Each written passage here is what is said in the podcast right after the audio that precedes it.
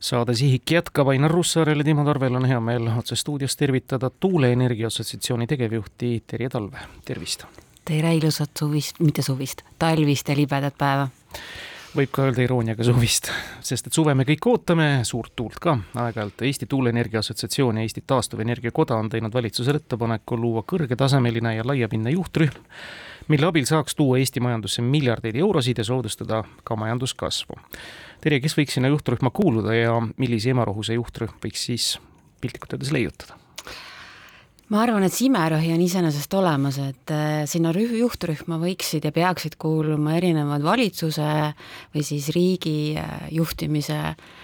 üksused, ehk siis erinevad ministeeriumid, näiteks meil on Kliimaministeerium, kes tegeleb energeetikaga, ja siis on meil Majandus-Kommunikatsiooniministeerium, kelle alla kuulub ka EAS, kes tegeleb investeeringute toomisega,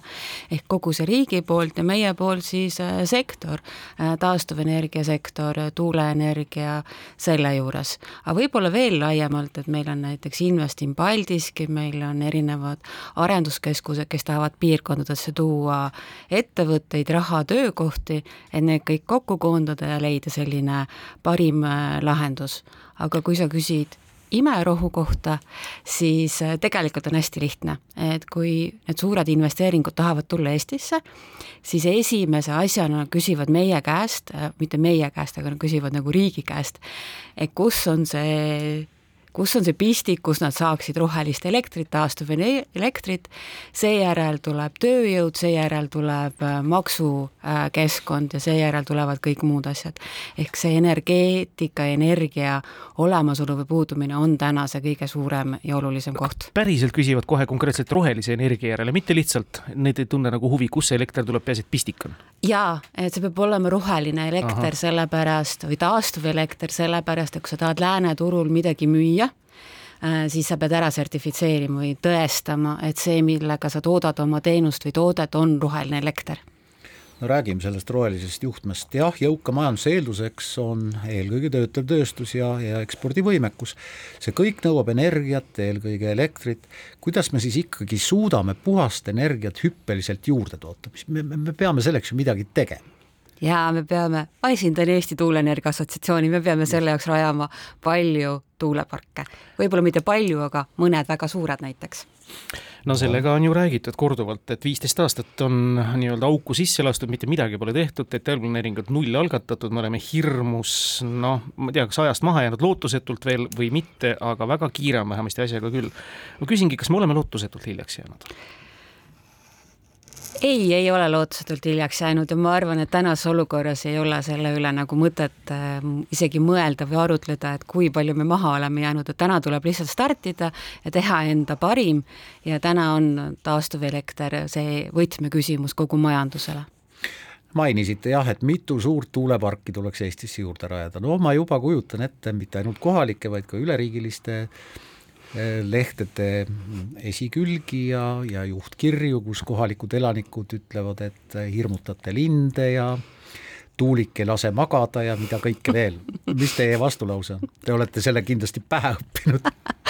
ma arvan, et see vastulause on, on see, et me alustame tuulikute rajamist maismaale, maismaatuulikud on väiksemad kui meretuulikud, sest see on kiirem ja see lahendab meie probleeme kiiremini ja ta on natukene odavam, aga tulevikus me läheme merele, ehk siis me paneme oma tuulikud sinna, kus ta inimeste hunde ei häiri, sest et kõige lähemad tuulikud merel saavad Eestis olla üksteist kilomeetrit kaldast ja väga keeruline on olla häiritud millestki, mis asub sinust üheteist kilomeetri kaugusel. no küll te ornitoloogide vastulauseid kuulete? no ja, ma olen aru saanud, et EAS-i ja KredExi ühendasutuste analüüs toob välja, et meil oleks kohe, põhimõtteliselt on, ma ei tea, on Ivangorodi piiripunkti taga või kus iganes piiripunkti taga ootel viie miljardi väärtuses investeeringuid, kolm tuhat töökohta tuleks plaksti, kui meil oleks anda energiat viis koma kaheksa teravatt-tundi, ehk siis tänane kolmveerand Eesti tarbimisest, see on pöörane kogus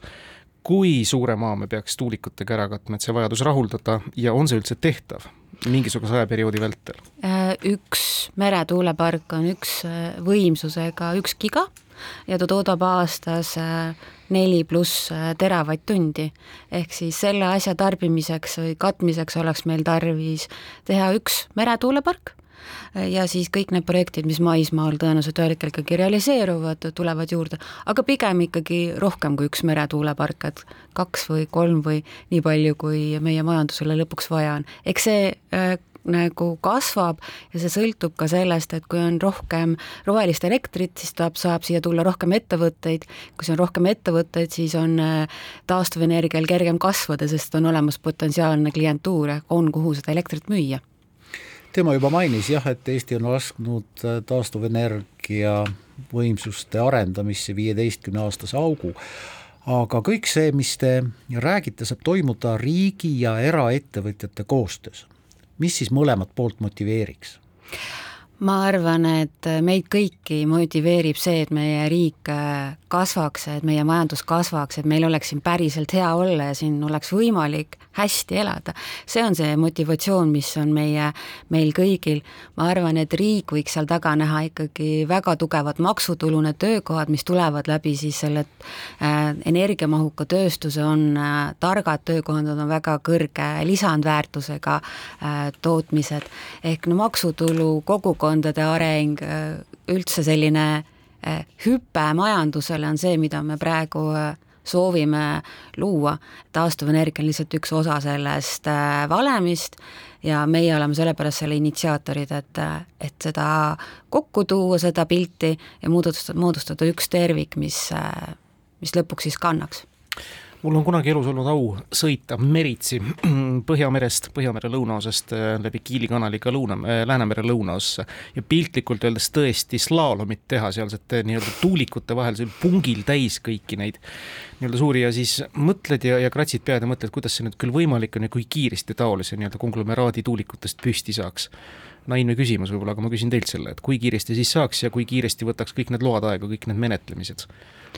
Meil on praegu mere peal kolm esimese laine projekti, on Utilitas, Wind Enefit Green ja Saare Wind Energy. Ja nendel kõigil on keskkonnamõju hindamised siis kas tehtud või täiesti lõppfaasis.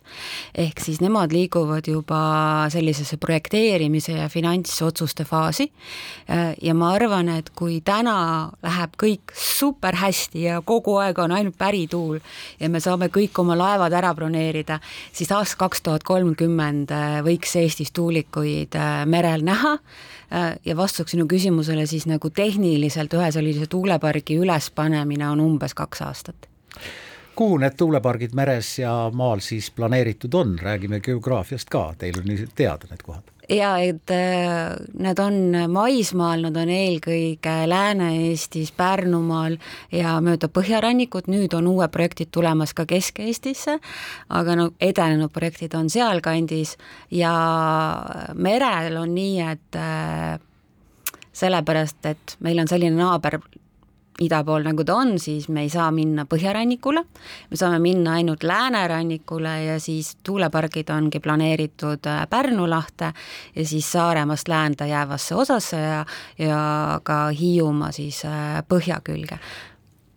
Öelge, kas teie ettepanekul kahtlemata spetsialistidest taolise juhtrühma moodustamisel, mis tõesti võtaks ka asjatundlikke vastuseid ja otsuseid vastu, oleks ka nii-öelda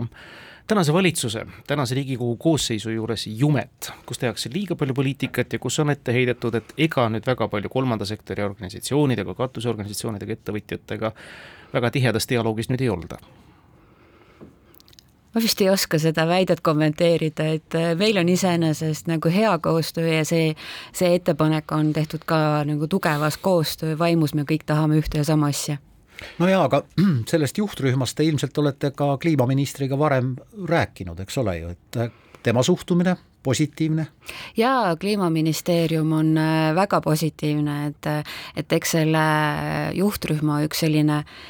ots ulatub ka sellele, et kui meil on olemas koht, kuhu tuuleparkide toodangut müüa,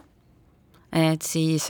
siis äh, muutub see rahastamisskeem äh, lihtsamaks ja uute võimsuste turule tulemine lihtsamaks, see on väga tugevalt Kliimaministeeriumi ülesanne ja huvi, sellepärast et nemad äh, on ju vastutavad selle eest, et me oma taastuvenergia eesmärgid ära täidaksime.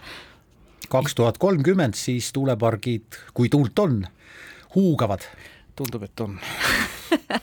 tuult kindlasti on, tuuleparke loodetavasti ka saame siis tõesti kaasa elada sellele, soovime edu jõudu sellele ettepanekule juhtrühma moodustamisel ja ma usun, et juba mõne aasta pärast siis vana Eesti kõnekäänd Püüa tuult väljalt omandab hoopis teise tähenduse. aitäh teile, Terje Tall tänast uudisse tulemast! tänan!